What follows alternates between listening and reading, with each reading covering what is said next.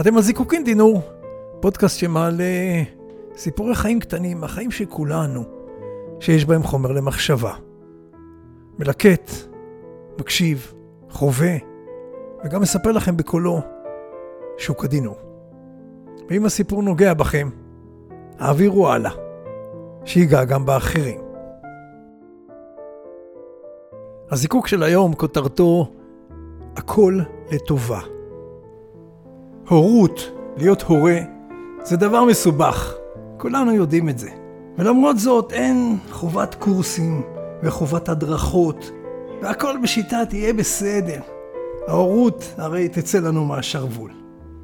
בהקשר הזה הקשיבו לסיפור הלא פשוט הבא, מילקוט חוויותיו של שלומי זילבר, שיש לו אתר בפייסבוק, שלומילים וסיפורים.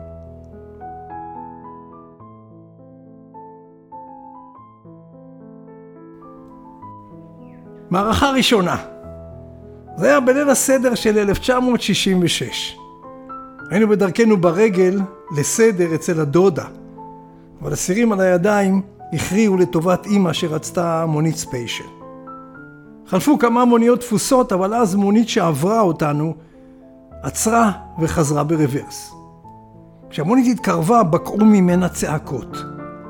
האישה שבמונית צעקה לנהג, כנראה בעלה, שאפילו בערב פסח הוא חושב על הגרוש ולמה אי אפשר לנסוע בפסח בלי נוסעים.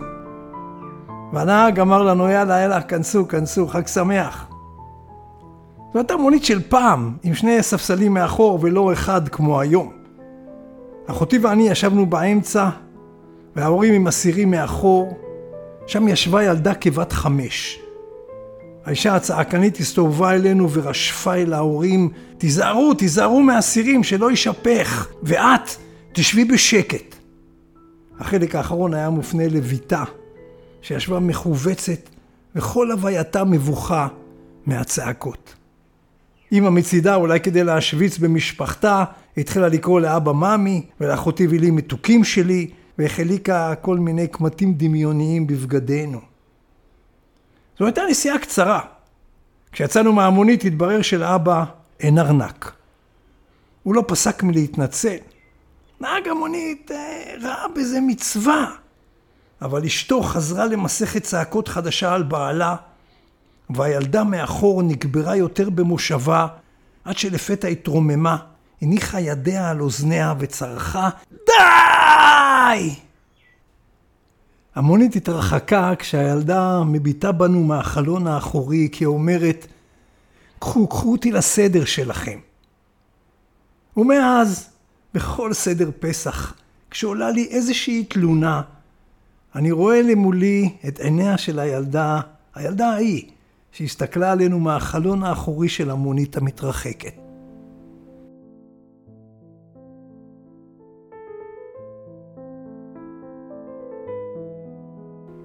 מערכה שנייה.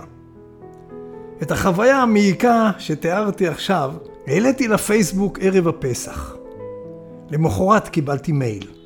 אני הילדה ההיא מהמונית, מאותו ליל הסדר 1966. שמי מיכל דינור, לשעבר עדינה תורג'מן. התרגשתי עד דמעות. מיד שוחחנו בטלפון. היא, היא לא שכחה אותנו, הם היו אז בדרך לסדר שלהם. אמא צעקה כל הדרך, ואבא שלה הרגיע. מסתבר שהאם בכלל, בכלל לא רצתה לעשות את הסדר עם האח האידיוט שלו לדבריה. לא מספיק שאני צריכה לסבול אותך כל השנה, אז בחג אתה מדביק לי את אחיך? כשהגיעו אמא, עדיין צורחת, הוציאה אותה מהרכב והן חזרו ברגל הביתה. היא הילדה רק ניחמה את עצמה במנטרה שלמדה מאביה, אין דבר, הכל לטובה, הכל לטובה. היא זוכרת בלילה דפיקות בדלת. זה אביה, המבקש מאימה שתפתח לו. בבוקר אבא לא היה בבית, וגם לא בבוקר שלאחריו. וזהו.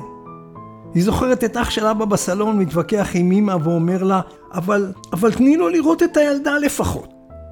והיא כל הזמן רק רצתה לשאול את אבא אם באמת הכל לטובה, כי היא פחות ופחות האמינה. מהר מאוד היא למדה הכל על עצמה דרך אמא שלה. למדה שהיא מטומטמת, למדה שהיא לא מבינה כלום, ובעיקר למדה שהיא בדיוק כמו אבא. כשהתגייסה לצבא, החליפה את שמה מעדינה תורג'מן למיכל דינור. יום אחד היא נסעה עם חברה ברחוב אבא הלל ברמת גן. נראה לה מוכר. עצרה, חיפשה תורג'מן בתיבות הדואר. וואלה, מצאה תורג'מן בקומה שנייה ותורג'מן בקומה שלישית. בחיל ורעדה דפקה על דלת התורג'מן הראשונה. האיש המבוגר בטלית שפתח את הדלת היה דודה, אחי אביה. היא אמרה, אני עדינה. ועיניו מלאו דמעות. סיפר לה שאבא ניסה לראות אותה ואימא שלחה משטרה בטענה שהוא אלים. מאז הוא נוהג במונית בלילות וישן בימים, ליל סדר הוא לא חוגג לעולם. הוא גר פה, פה למעלה, כרגע נמצא בעבודה. היא צלצלה על התחנה שלו והזמינה מונית. הוא הגיע מבוהל כי זו הייתה הכתובת שלו. היא חיכתה לו ליד הבית, הוא הגיע, נעצר במרכז הכביש, יצא וקרס על ברכיו. היו דמעות, היו חיבוקים, והיו הרבה צופרים של הנהגים שאבא חסם להם את הרחוב. היא עברה לגור איתו, הכל לטובה. לאמא היא אמרה שהיא גרה בבסיס. בגיל 23 התחתנה, יש להם שלושה ילדים ושני נכדים. לבעלה קוראים ארז תורג'מן, וכך החזירה את השם תורג'מן לשם משפחתה. הכל לטובה, כבר אמרנו.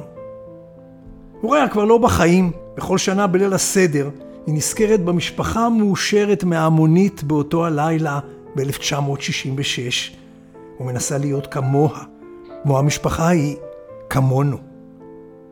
בשנה הבאה יוגשמו החלומות, היא תחגוג איתנו את הסדר. הכל לטובה. זה תקציר מכתיבתו של שלומי זילבר בפייסבוק שלו מילים וסיפורים. וכמה מילים משלי. זה סיפור לא קל, אבל החיים אינם תמיד דבש. ואנחנו כהורים עושים בוודאי אין ספור טעויות. נתקלתי באמרה שאיני יודע מקורה, שאומרת כך: אם הורות הייתה מגיעה עם תוכנה של Waze, היינו בוודאי מקבלים הרבה הודעות. חשבו מסלול מחדש. כן, בתהליך ההורות היינו בוודאי מחשבים כמה מסלולים מחדש לו היינו יכולים. זיקוקין דינו, שוק הדינו.